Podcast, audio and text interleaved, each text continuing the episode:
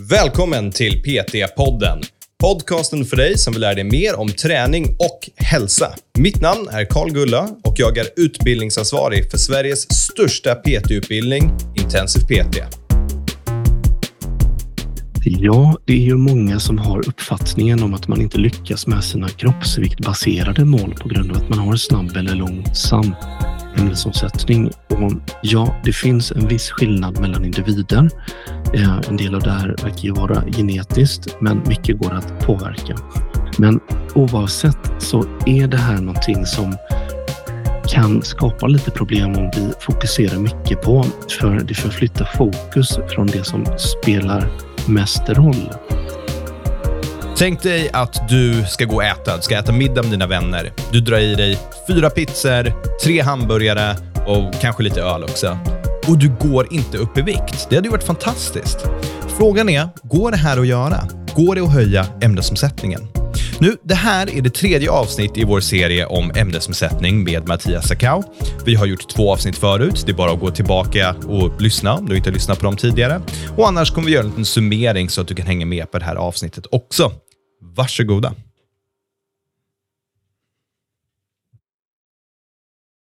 Välkommen till PT-podden Mattias. Kul att ha dig med oss. Tack så mycket. Idag så är det lite sämre väder här. Det är inte lika somrigt som förra gången som vi spelade in, men jag tänker att eh, ja, det här blir nog eh, bra ändå. Det sätter någon ja, Det är mycket sämre väder i Stockholm också kan jag säga. Det är regn och det har varit regn i typ en vecka känns det som. Men det är en bra sak. Det är inte lika överdrivet varmt. Men jag vet inte om vi kan fortsätta kalla det här för ett sommarprat då. Det är väl början på ett höstprat antar jag. Ja, kanske. Men det här är ju någonting som hör till ändå. Svensk, så. svensk sommar. Jo, vi är sol tre dagar om året. That's it. Det är allt vi får. Um, du, vi ska prata om ämnesomsättning, på tal om dåligt väder. Och uh, Jag tänker så här, det här är ju tredje avsnittet i serien. Och Vi har pratat om det förut, så för de lyssnarna som är med här, om ni inte har lyssnat på de andra två avsnitten, gå tillbaka och lyssna på dem. Men innan dess, ge oss en liten brief om vad vi har pratat om, så att alla faktiskt kan hänga med. Jo, i det första avsnittet så pratade vi om var fettet tar vägen när det förbränns och förhoppningsvis då lämnar kroppen på sätt och vis. Och där pratade vi mycket om fysiologi. Vad är det som händer inuti kroppen? I det andra avsnittet, ja, då pratade vi om det som kallas för energikompensationer eller metabola adaptationer som är olika sätt som kroppen kompenserar ökad energi åtgång på för att försöka hushålla med detta. Så att vi inte svälter ihjäl kan man väl säga lite förenklat. Och då tittade vi också på de här olika komponenterna eller delarna av den dagliga energiförbrukningen. Vad är det vi spenderar energi på? Ja, det fick man ju svar på i avsnitt två. Men i avsnitt tre här nu då så ska vi besvara en eh, väldigt eh, spännande fråga som många klurar på. Inte bara tränare utan kanske framför allt de här kunderna som tränarna ofta träffar. Ehm, och eh, det handlar ju om huruvida man kan höja sin ämnesomsättning ehm, på ett meningsfullt sätt. Hur går dina tankar kring det? Alltså jag önskar, jag, jag har sagt det här tusen gånger, om det gick att ta ett piller som skulle höja min ämnesomsättning och göra så att jag fick ett sexpack, då hade det varit fantastiskt de första tre dagarna jag kom ihåg att ta det pillret. Sen skulle jag glömma bort. Eh, jag, jag, tror ju tyvärr inte att vi kan göra en större meningsfull påverkan av detta, men jag ser väldigt mycket fram emot att lära mig mer om det. För du, du brukar ju ha spännande insikter och spännande tankar. Så eh, ja, förutom då självklart träning, det, det är väl ett bra sätt att kanske få lite högre energiförbrukning. Men jag tänker just det här med ämnesomsättning och som jag nu är inne på, att träna och energiåtgång, det är väl inte nödvändigtvis samma sak, eller hur? Ska vi börja med att reda ut de begreppen? Ja, det är ju vanligt att man använder ämnesomsättning och energiförbrukning lite mm, synonymt, men egentligen så är ju det här en sammanfattning av två olika typer av metabola processer, nämligen de här uppbyggande processerna eller de nedbrytande som vi pratade om i avsnitt två också. Ehm, så att vi försöker skilja lite på detta. Mm, när man pratar om att höja ämnesomsättningen, då brukar man ju i själva verket mena just det här med energiförbrukning. Ehm, hur mycket energi går åt eller hur mycket förbränner vi? Så jag tänker att det är definitionen som vi använder framåt här. Ja, ja, det är strålande definition. Och Det första steget här det är ju väl att rodda lite i hur man faktiskt mäter detta. Ja, en vanlig uppfattning det är ju att de här aktivitetsklockorna, det är ju då det främsta sättet att se hur mycket kalorier som vi förbrukar. Och det är ju tyvärr inte riktigt så enkelt, även om de här aktivitetsklockorna, mm, träningsklockorna och sådär är användbara eh, olika. Du kommer förstöra mm. livet för så många människor som lyssnar nu, som lever sitt liv efter aktivitetsklockan. Ja, precis. Eh, och samma sak gäller ju kanske till och med lite ännu sämre. Det är de här uppskattningarna som man får från olika konditionsmaskiner. Mm. Ehm, men när vi mäter detta i ett labb, ja, då kan vi få till en lite bättre precision i de här mätningarna. Och då mäter man det antingen i vila, så kallad RMR, alltså vilometabolismen, eller arbetstester. Då kanske man gör ett sånt här ramptest där man har en stegrande intensitet varje minut och så tar man det till eh, ja, maximal ansträngning. Vi kör till fail i princip då, på en sån här cykelergometer eller ett löpband eller liknande. Och när man då gör de här testerna så har man ett pulsband på sig så att vi mm, eh, jämför vår data här med pulsen då. Och sen har man en andningsgasmask på sig och till det en maskin som ehm, analyserar eller samlar upp den här datan då för att vi ska kunna göra analyser. Och då tittar man på relationen mellan syrgas och koldioxid. Det säger ju dels någonting då om hur eh, väl man använder kolhydrater eller fettsyror på en viss intensitet ingen intensitet alls om du gör det här vilande. Eh, men det säger också någonting om energiförbrukningen här då. Så när man ser människor träna med en sån här gasmask på sig för att liksom begränsa syretillgången så är det någonting helt annat. Här så är vi intresserade av mätningar alltså. Mm. Och det, den här metoden den kallas för indirekt kalorimetri och det är det som är guldstandard egentligen. Man skulle också kunna mäta det i såna här metabola kammare. Då har man ett helt rum som är anpassat för att eh, fånga upp det här. Då. Eh, men det är väldigt dyrt och det används inte så ofta. Men sån här indirekt kalorimetri, det kan man använda till fälttester också. Så man kan ta med sig det ut till en fotbollsplan till exempel om man ska testa eh, idrottare eller sådär. Man måste inte göra det inuti ett labb så att säga. Vad häftigt. Och det här går väl tillbaka då till att vi andas ut vårt fett. Eh, eller det, det är där någonstans som det blir relevant för oss när vi mäter det, antar jag. Ja, precis. Vi pratade om det i första avsnittet, att vi andas ut fett och det betyder att utandningsluften den är tyngre än vår inandningsluft. Det är helt enkelt där eh, fettet tar vägen. Det blir då koldioxid och vätska huvudsakligen. Och eh, sådana här mätningar kan man ju göra då ehm, på fältet såklart och även i labb, men de är ganska dyra. Man måste ha tillgång till avancerad testutrustning och det krävs ganska ändå djupgående eh, kunskap om det, så att det är ingenting man gör i första taget. Men det, det, det är ingenting vi alltså personliga tränare gör, antar jag, med våra kunder på gymmet? Nej, det skulle jag säga är sällsynt. Oftare så gör man det här i eh, klinik. Eh, i samband med olika hälsotillstånd på sjukhus kan det vara intressant att mäta energibehovet för cancerpatienter till exempel. Det är inte alltid man mäter det på det här viset, men det kan man göra.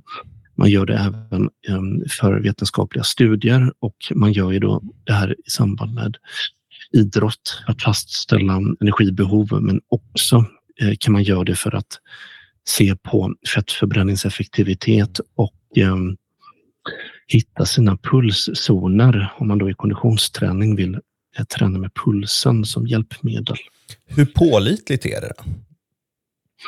Ja, om man gör de här testerna eh, enligt konstens alla regler så ska det vara det mest pålitliga eh, sättet som vi har för att mäta de här processerna tillgängligt. Mm, så att eh, när man undersöker det här i vetenskapliga studier, då brukar det vra indirekt kalorimetri som man använder. Mm. Och då är det klart pålitligare än min pulsklocka? Ja, det skulle man kunna säga. Däremot så kanske det inte är så stor skillnad mellan VO2 max eh, utifrån en bra prognos då från en sån här träningsklocka och testad VO2 max. Men det mm. tänker jag är ett annat samtal egentligen. Ja, ja, definitivt. Det är väldigt, väldigt intressant. Vad, men vad är det man mäter då? Vad är det man får för resultat när man gör det här? Ja, mm, det beror ju på vilka tester vi gör, men när man testar ämnesomsättningen i vila så är det ju då energiåtgången i vila som man är intresserad utav. Och det är man intresserad utav för att det säger en hel del om ditt dagliga energibehov just för att RMR, vilometabolismen, det är ju ehm, det är det som är den största komponenten egentligen i vårt energibehov. Och det är inte bara relevant för att gå ner i vikt och veta hur mycket behöver jag äta för att få ett mm. kaloriunderskott, utan det kan ju också handla om hur mycket behöver jag äta för att tillgodogöra mig min träning? Mm. Eh, och idrottare då som tränar eh, lite mer än gemene man, de har tvärtom den här utmaningen att få upp sina kalorier. Är det vanligare att man kanske äter för lite för sitt mål istället för för mycket. Men det här är då viloämnesomsättningen. Om vi gör det här under fysisk aktivitet så är vi kanske mer intresserade av andra saker. Ja, vi kan få fram energiförbrukningen här, men vi kanske är mer intresserade av att få fram ett värde för V2 max, maximal syreupptagningsförmåga alltså, eller fat max och då användning av energisubstrat som man eh, kanske är eh, ute efter lite olika saker med de olika typerna av testerna. Så då är frågan varför ska vi göra det här avancerade testet och vilken information vill vi få fram? Men oavsett eh, tankar kring det så är det det här som är guldstandard då. Mm. Det är då andningsgasanalyser som man gör för att mäta ämnesomsättningen. Jag, jag kan ju tänka mig att folk som lyssnar på det här blir intresserade själva. Säger, jag skulle vilja mäta det här på mig själv. Eller om man har, för jag antar för en vanlig PT-kund som bara vill träna och gå ner lite grann i vikt och må bra, så är det ju helt irrelevant. Men kanske någon som vill prestera lite mer. Går det här att göra privat som ett test och betala lite pengar och testa det? Ja, absolut. Det går att göra och det finns allt fler sådana här idrottsmedicinska kliniker eller testkliniker som jobbar med detta. Och Det är någonting som vi gör på Kraftsportkliniken hos ortopedmedicinska Göteborg också. Ehm, så det kan man göra. Ehm, man kan ju fråga sig eh, hur viktigt det är att få en sån precision. Och jag menar på att ibland så kan det vara väldigt viktigt. Ehm, men det är inte för alla. Eh, mm. Det är klart, vill man optimera och man vill veta så mycket som möjligt om hur kroppen fungerar eller bara lära sig hur det här går till så kan det vara en spännande upplevelse att göra sådana tester. Har du någon uppfattning om hur mycket det där kommer skilja sig från min pulsklocka? Var felmarginalen är någonstans?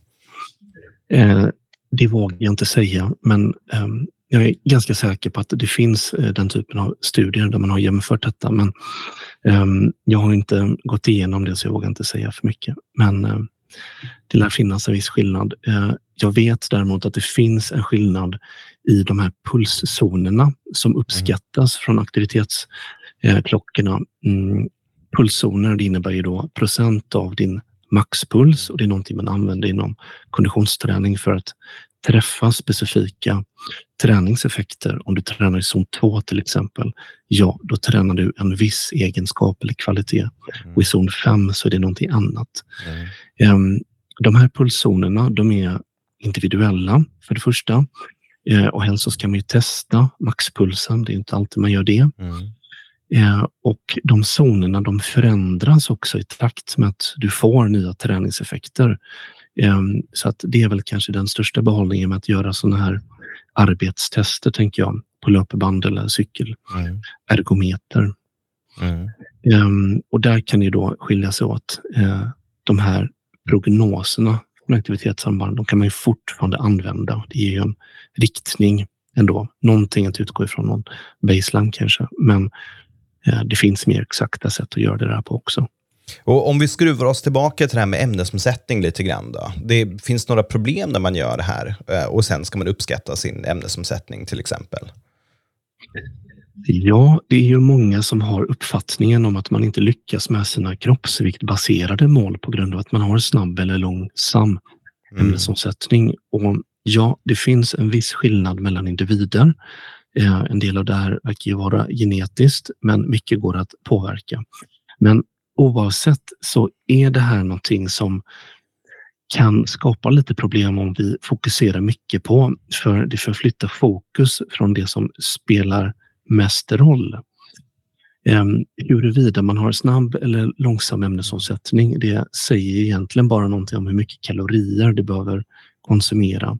Mm. Men det är någonstans ändå samma sak som gäller. Det är fortfarande rimlig träning utifrån vägledande träningsprinciper. Det är fortfarande hur mycket kalorier du konsumerar i första hand. Och ja, i andra hand då kanske makrofördelning, vilket också är något som kan påverka lite. Men att man inte lyckas med sina kroppsviktsmål eller mål kopplat till ämnesomsättning. Det brukar inte handla om huruvida man har snabb eller långsam ämnesomsättning.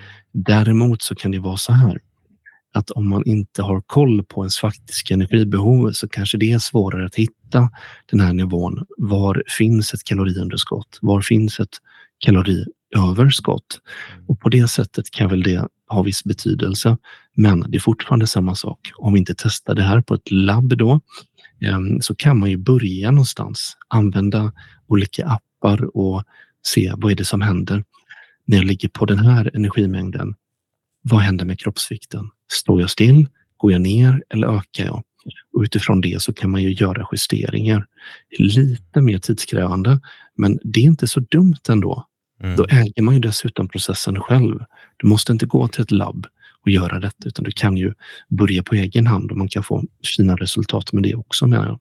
Precis, och jag gillar hur du skiftar fokus till att det handlar om själva processen, egentligen mer än vad det handlar om slutresultatet här. Att Visst, du kan ha hög eller låg ämnesomsättning, men egentligen spelar det ingen roll. För att låt oss säga att du har en hög ämnesomsättning som faktiskt, låt oss säga att det skulle ha en väldigt stor påverkan på dig.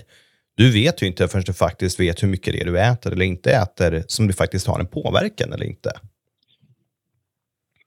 Ja, precis. Och då landar vi ju ändå i det här att det handlar om hur mycket du äter i relation till ditt behov. Och är det så att du misstänker att du har väldigt långsam ämnesomsättning, alltså liten energiförbrukning menar man ju då egentligen. Ja, då är det ju bara att sänka kalorierna tills mm. du hittar det där kaloriunderskottet. Eller om det är någon annan åtgärd som man vill göra. Ibland kanske det handlar om att äta mer och träna mer eller så där. Det kan ju vara lite olika. Mm. Men poängen är ju den att det är fortfarande någonstans samma strategier, samma saker som gäller om man vill få de här olika resultaten som är vanliga. Så vad är det som vi kan påverka då i det här fallet? Låt oss säga att vi har en hög eller låg ämnesomsättning. Ja, man vet till exempel att kroppsmassa är en sak som påverkar ämnesomsättningen i vila. Så det finns en vanlig uppfattning om att personer som är smala då har en snabbare ämnesomsättning. Mm. Det är en plausibel tanke kanske? Ja, det är väl troligt. Men när man undersökt detta så har man sett att personer som väger mindre och som är smalare då, de har faktiskt långsammare ämnesomsättning. De har i själva verket lägre energibehov. Och det är för att det finns en stark, eh, starkt samband här mellan hur mycket du väger mm. Eh, och givetvis hur mycket muskelmassa du har och hur stort energibehov som finns. Så Ja, det vi kan påverka här det är ju kroppsmassan och muskelmassan och det gör vi ju bäst genom klassisk styrketräning för hypertrofi, alltså muskeluppbyggande styrketräning. Mm. Så har vi mer muskelmassa, dels har vi såklart en mer energikrävande vävnad, större volym av denna vilket då kan innebära att vi förbrukar mer energi i samband med en aktivitet. Men den stora eh, grejen där, det tror jag egentligen är att om man försöker bygga muskelmassa, just processen att försöka bygga muskelmassa, det kostar energi. Mm. Så om man gör den här typen av träning, då får man faktiskt en högre energiförbrukning i vila. Mm. Så det kan man ju påverka och det ska ju de flesta personer som en eh, personlig tränare träffar oavsett engagerar sig i någon form av styrketräning för att eh, främja kroppskompositionen, tänker jag. Absolut. Och hur ser det ut med kosten då? Eh, om man liksom ska reglera upp protein ner med kolhydrater eller fett och så vidare. En del kommer nog tänka så här att ja, men det måste ju vara periodisk fasta. Mm. Och jag, jag, vill inte säga så mycket om det för att vi ska prata lite om det i nästa avsnitt. Mm. Men eh, det vi vet kan ha en viss betydelse. Det är ju eh, hur mycket kalorier vi äter totalt sett. För om vi äter mer kalorier, ja då förbrukar vi mer kalorier också. Men sen så har vi då makrofördelningen. Protein, fett och kolhydrater, alltså bara näringsämnen. Mm. Och det man ser här är att mer mängd protein i kosten ökar ju då mm, energiförbrukningen. Det kostar alltså mer att tillgodogöra sig protein jämfört med fett eller kolhydrater. Så det är ju en sån sak. Ehm, och sen så angående fett och kolhydrater så verkar inte det vara lika mm, betydelsefullt. Däremot finns det en del som tyder på att kolhydrater kostar mer energi faktiskt att um, tillgodogöra sig jämfört med fett. Så man kan tänka sig att en hög proteinkost med mycket kolhydrater möjligtvis då eh, kostar lite mer energi jämfört med om vi skulle äta mer fett. Men eh, den här kostnaden för att bryta ner och tillgodogöra sig energi och näring från maten vi äter, det är egentligen en väldigt liten del av vår totala energiförbrukning.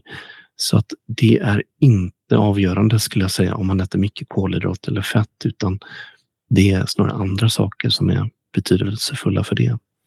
Spännande och just, det är en bra cliffhanger här, eller cliffhanger här inför nästa avsnitt med lite vanliga myter då som vi ska gå igenom och missförstånd som man kan ha angående ämnesomsättningen. Um, jag tänker vi ska avsluta väldigt snabbt med att få höra, någon berättade för mig att du, du har en annan podcast, så om man vill lyssna mer på din fantastiska röst, då går ju det faktiskt att göra. Vart ska folk gå då? Ja, vi har en ganska nysläppt eh, podcast här då som heter Träning och smärta. Eh, och smärta är ju ett ämne som i sig är väldigt eh, spännande och komplext och fullsmockat med myter och missförstånd och sådär.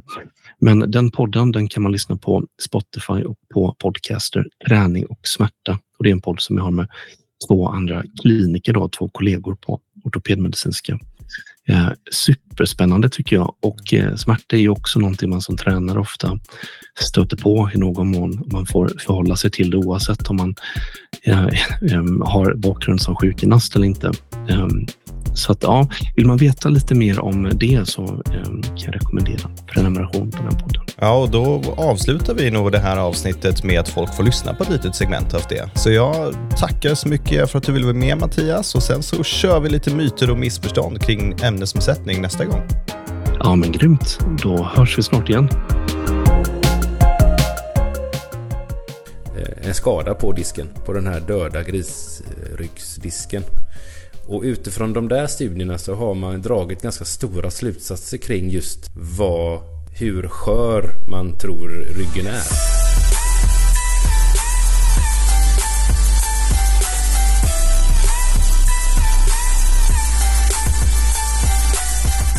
Hej och välkomna till den nystartade podden Träning och smärta. Jag heter David Josefsson och jag har med mig Mattias Sachau och Andreas Härdner Lennartsson.